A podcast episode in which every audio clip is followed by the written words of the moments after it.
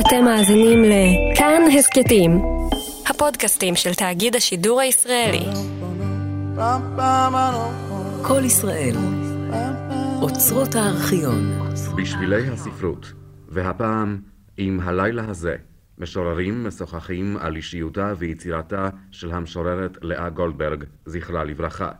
משתתפים אברהם שלונסקי, טד כרמי, דן פגיס וטוביה ריבנר.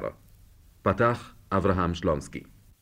בקובנה של ליטא נתייסדה, זה היה בתקופה האחרונה של כתובים, נתייסדה חבורת סופרים אשר באופן המופגן ביותר הכריזה על עצמה כעל קולוניה של האימפריה ששמה כתובים.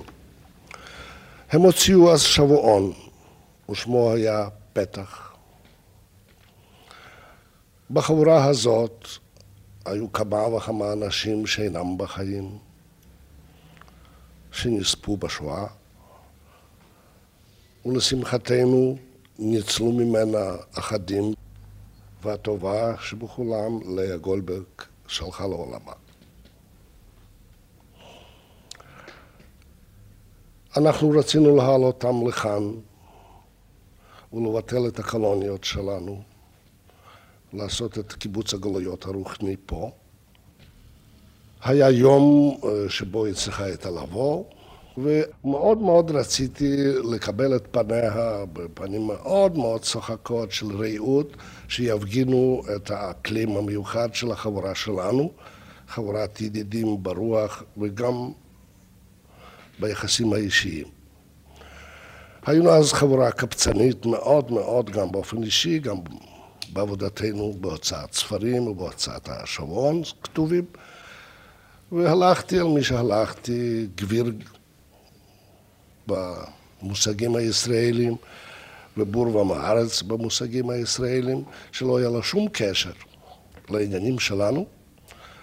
ואמרתי לו, לא קראת אותי, לא קראת שום איש מאיתנו, אבל שמע לי, אתה תעשה דבר גדול אם תסייע לי להוציא לאור משוררת צעירה מקומרה. וכך בכספו הוצאתי את ספרה טבעות עשן.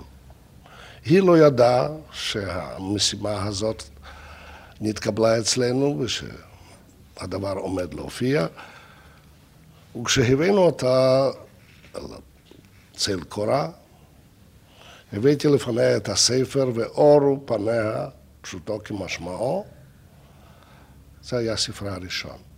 עוד לפני שנתפסו עשרה שירים שלה בכתבי העת. יצאתי אה, למקום שיצאתי, וכשחזרתי אני רואה, שומע התייפכות גדולה לגולדברג בוכה. מהי בוכה? הספר מלא שגיאות דפוס. כך נכנסה לאה גולדברג אל השירה העברית, באווירה של ידידים ושל חבורה שיחדיו, וכך היה שמנו, יחדיו רצו לבנות ספרות. היא גם התאימה מאוד לחבורה שלנו, ששנאה את ההצטמצמות בכל גילוייה, את ההצטמצמות הגיאוגרפית, את ההצטמצמות הלאומית, את ההצטמצמות בצורות. היא התאימה מפני שאולי הייתה בתוך החברה שלנו בעלת הניסיון האירופי וגם הפוליגלוטי הרב ביותר. היא התאימה למגמות האלה גם משום שהיא הייתה אולי היחידה בתוך החבורה שלנו, גם חברת המשוררים, אשר אהבה את הצורות, את הצורות השונות, את האפשרויות השונות הפורמליות של השירה. אנחנו כולנו אהבנו את לאה גולדברג מפני אה, אה, אהבתה את העולם, רצונה לדעת את העולם, רצונה לדעת את אה, ביטויה הרוחני של האנושות המגוונת, של התקופות, של הצורות, של התכנים.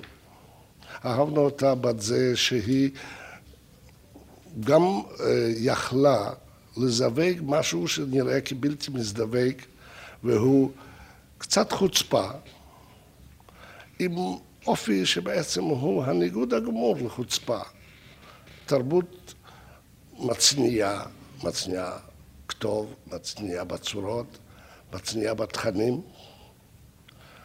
אהבנו אותה גם משום שהיא הביאה לקורא הצעיר כאן את הצורות אשר הספרות העברית לא ידעה אותן.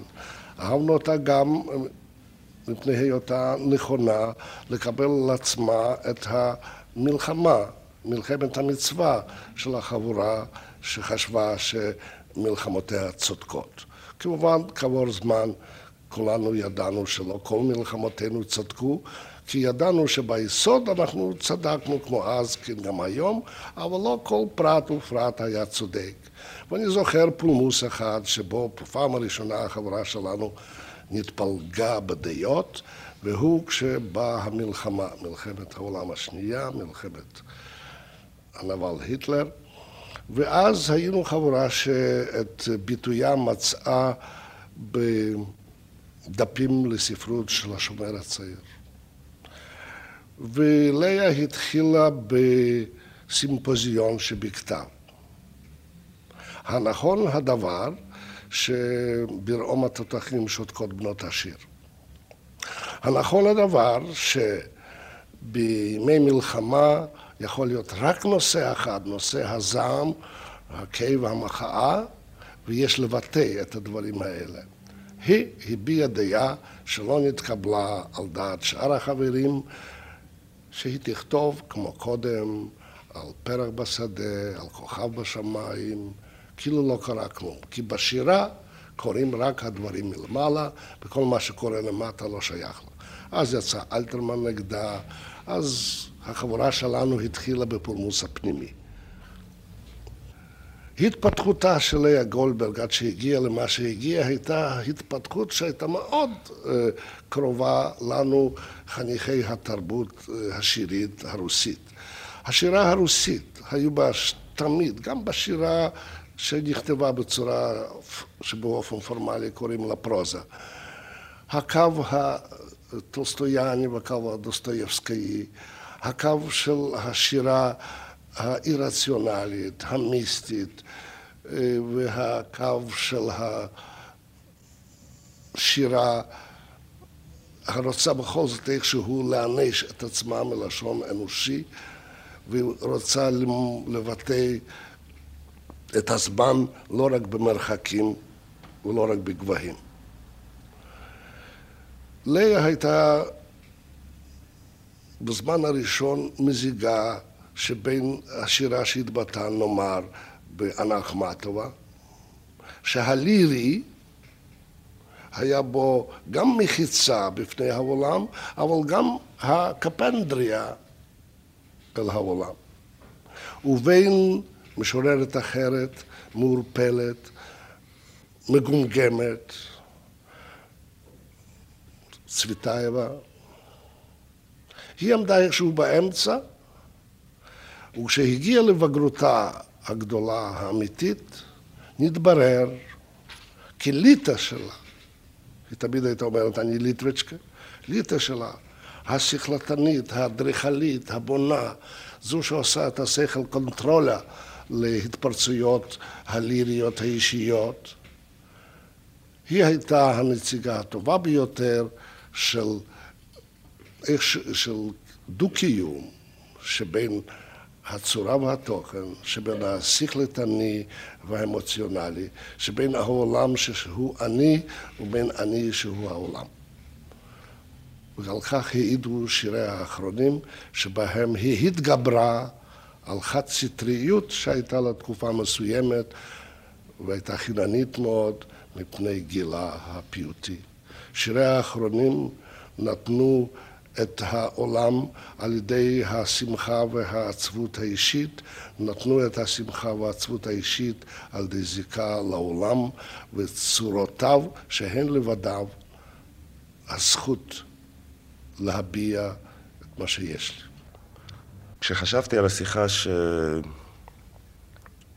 שתיארך היום, נזכרתי בקטע מתוך הרומן האוטוביוגרפי שלה, והוא האור על, אה, על חשיבות הזיכרון. ט' כרמי. זה נושא ש... שתופס מקום חשוב מאוד uh, בשירים שלה, והיחס שלה לזיכרון, נדמה לי שהוא מסביר את העמדה שלה באותו ויכוח שאתה הזכרת, בין uh, אלה שטענו שהשירה חייבת להיות שונה, ואלה שאמרו שאי אפשר להכתיב את השוני הזה. ואני רוצה לקרוא את, ה... את הקטע הזה. העובדות הגדולות של חיינו, עם כל המופלא שישנו לפרקים בחיי אדם, הן על אף הכל נכס משותף. הננו מחלקים אותם עם האחרים.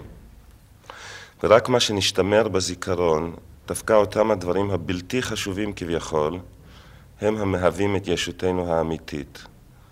הם כאותה הקולטורה שאדם נותן אותה בתוך היין, נאמר.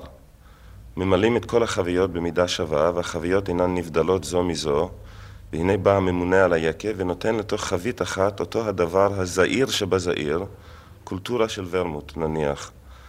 החבית הזאת איננה עוד סתם יין, החבית הזאת כולה היא ורמוט.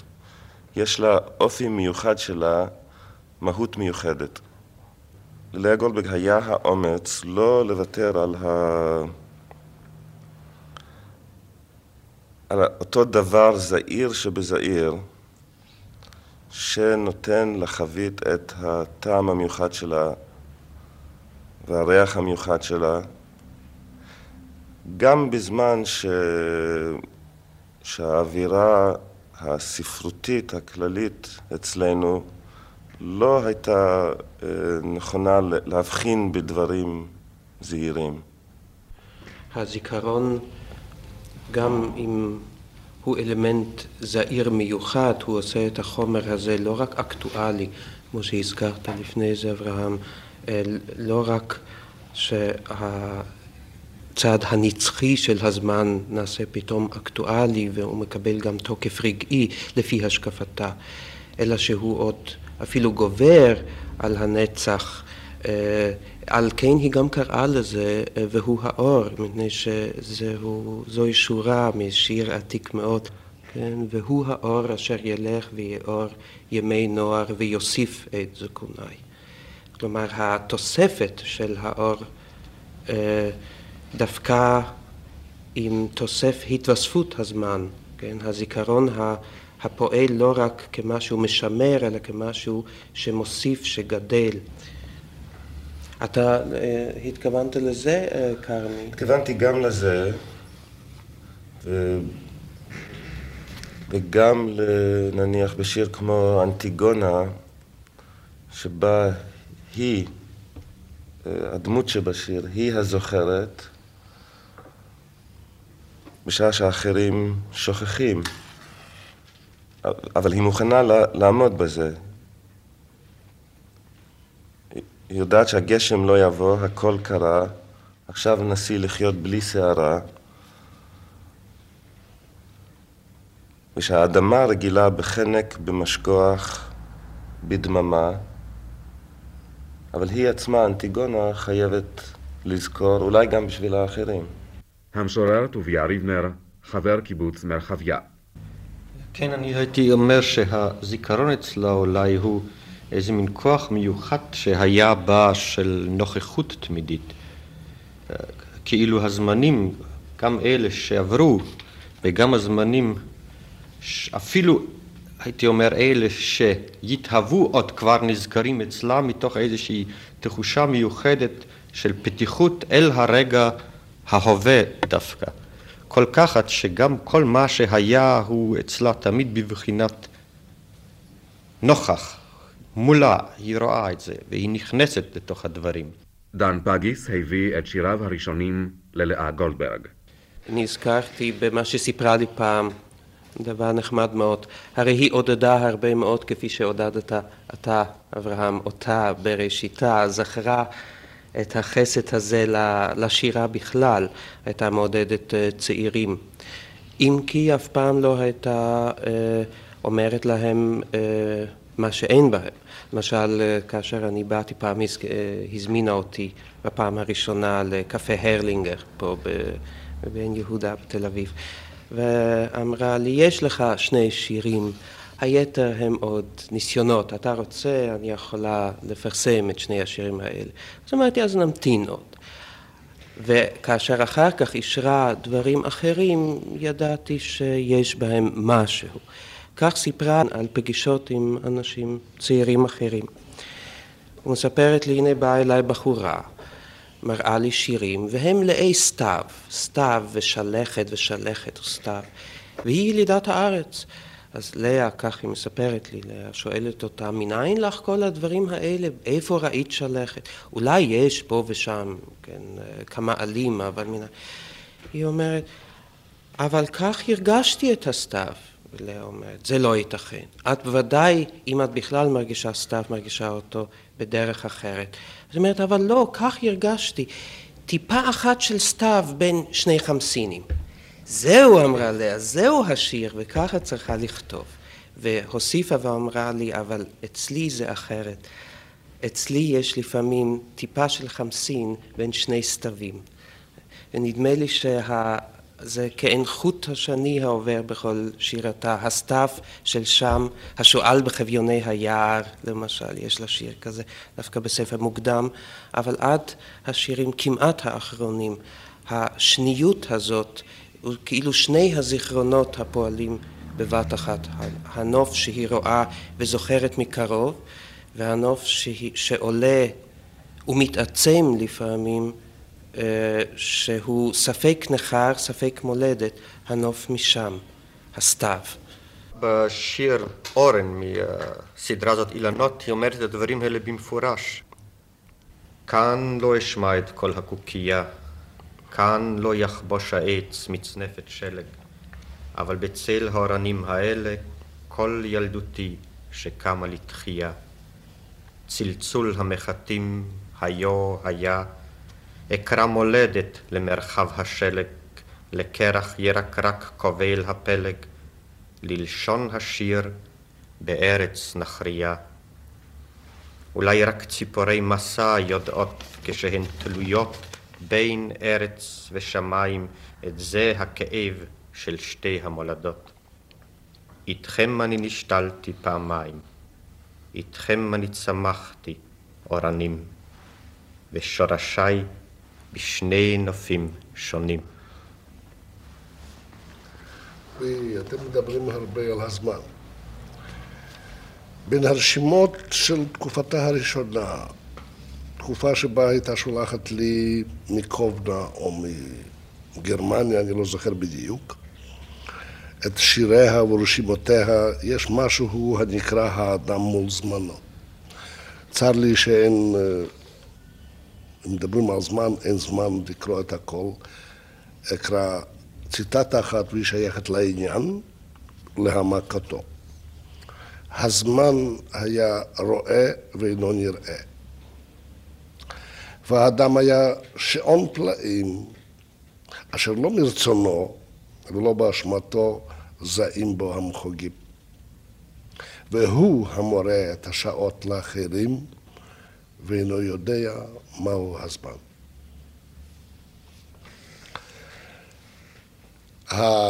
היחס המסובך הזה, האמביוולנטי הזה, אתה יודע את הזמן, אתה לא יודע את הזמן, אתה לא יודע איפה נצח, איפה רגע, אולי זהו, ה... זוהי התגובה האמיתית, היחס הגומלין האמיתי שבין אדם לבין הזמן, שהוא איננו יודע איפה נצח ואיפה רגע. מפני שאם אתה יודע שזה נצח וזה רגע, אתה ממיין דברים לפי ערכים אה, של שווי. אבל כשאתה אינך יודע את הזמן, והזמן הוא השוטף, והוא נהר גדול, והוא נהר איתן, יודע איפה רגע ואיפה נצח, הוא ההתייחסות האמיתית אל הזמן, וזה היה בהרבה משיריה, שאיך יודע איפה היא מדברת על עצמה, על... אכזבותיה ועל הצלחותיה. ואינך יודע איפה היא מדברת על הזמן מבחינה היסטורית והיא מדברת מבחינה אבטוביוגרפית.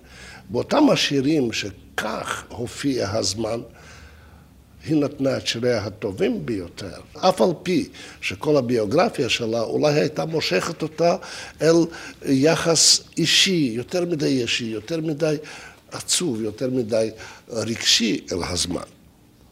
היא, בביוגרפיה שלה, כשהצליחה להתגבר על הזמן הביוגרפי, האפטוביוגרפי, הייתה הרבה יותר חזקה דווקא משום הביוגרפיה שלה. הזמן והעולם שעמדו אצלה עם ועל אף זמנה הפרטי. לפעמים זה חריף מאוד ומוגדר מאוד. למשל בשיר אה, תל אביב 1935, ששם שורת המפתח היא כי תמונות משחירות בתוך מצלמה התהפכו לילות חורף זקים, לילות קיץ גשומים שמעבר לים ובקרים אפלים של בירות. בשיר הזה הכל מתהפך. התרנים שעל גגות הבתים, שהיא מדמה אותם לתורני ספינתו של קולומבוס, בראשם אה, לא עומדות יונים, אלא עומדים עורבים. שפה של ארץ זרה ננעצת ביום החמסין כלהב סכין קרה.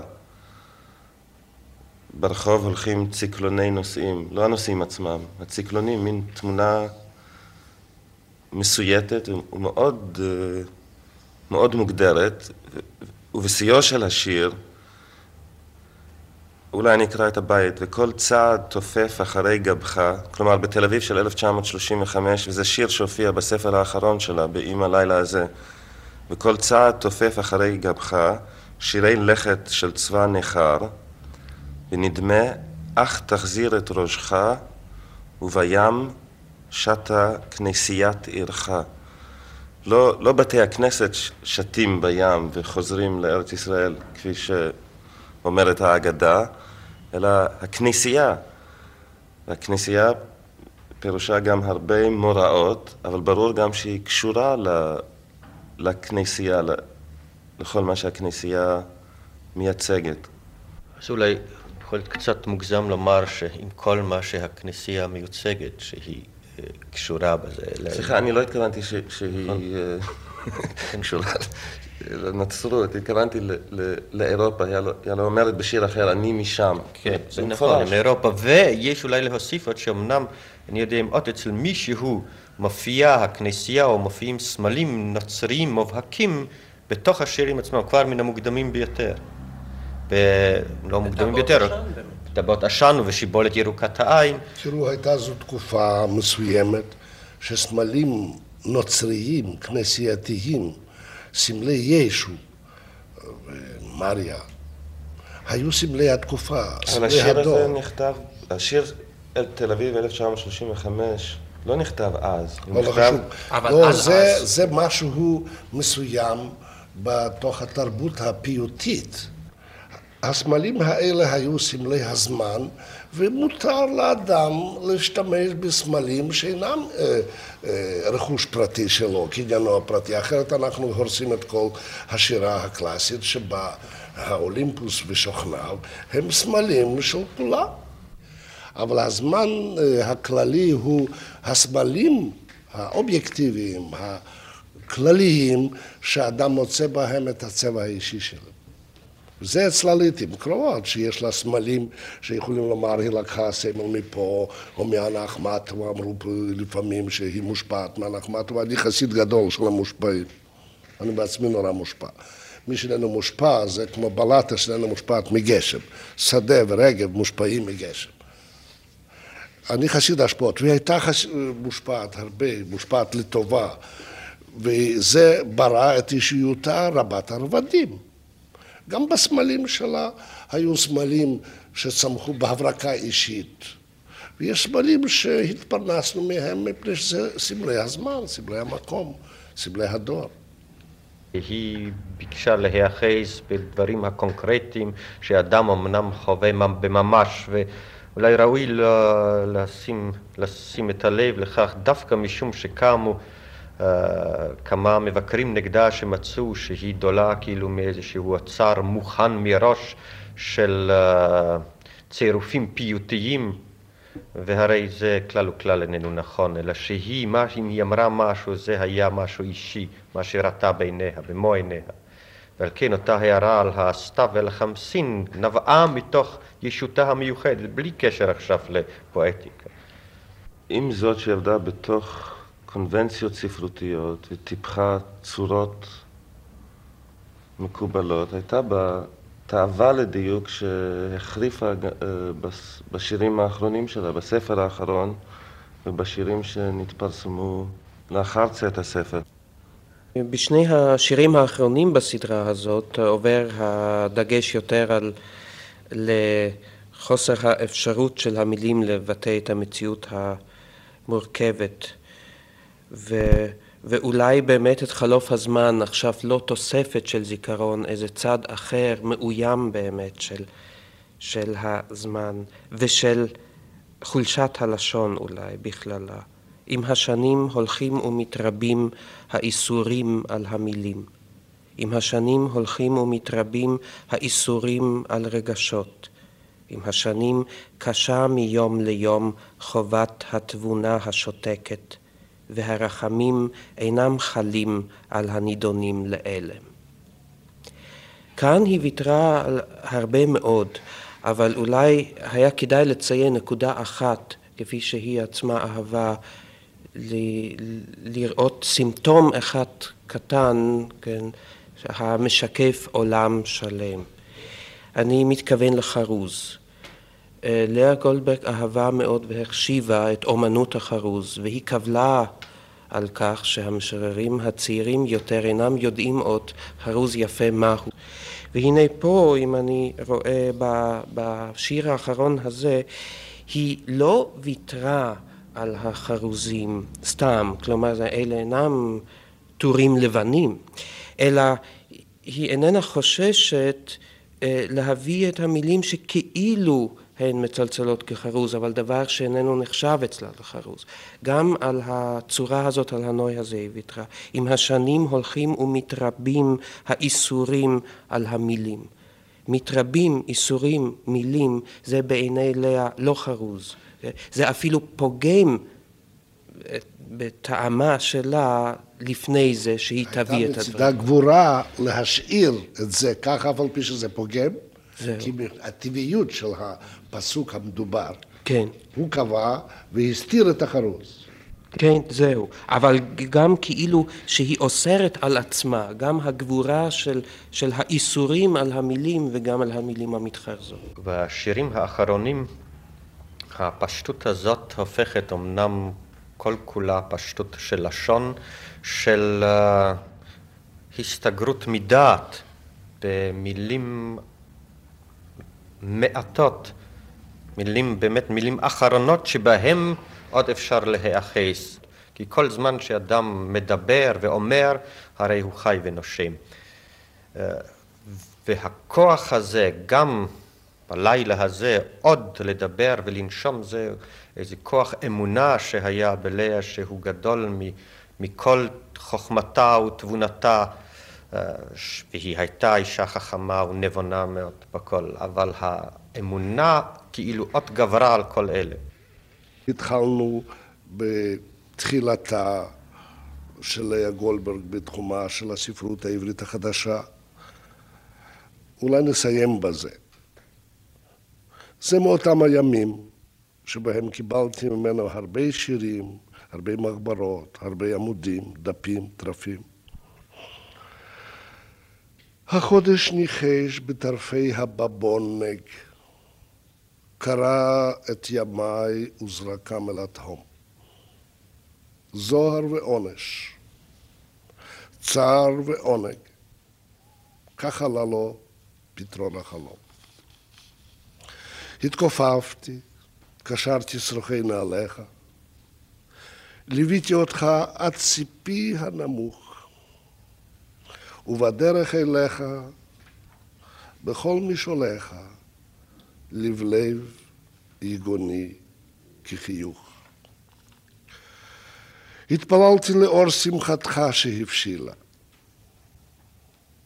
ואגרתי לך את שלוות הימים, והרכנתי ראשי אם חזרת חלילה, חזרת קרוב ותמים. בתוכנית "עם הלילה הזה" שוחחו המשוררים אברהם שלונסקי, טט כרמי, דן פגיס וטוביה ריבנר על שירת לאה גולדברג, זכרה לברכה. ערך שמואל הופרט, ביצוע טכני חיים איציקס.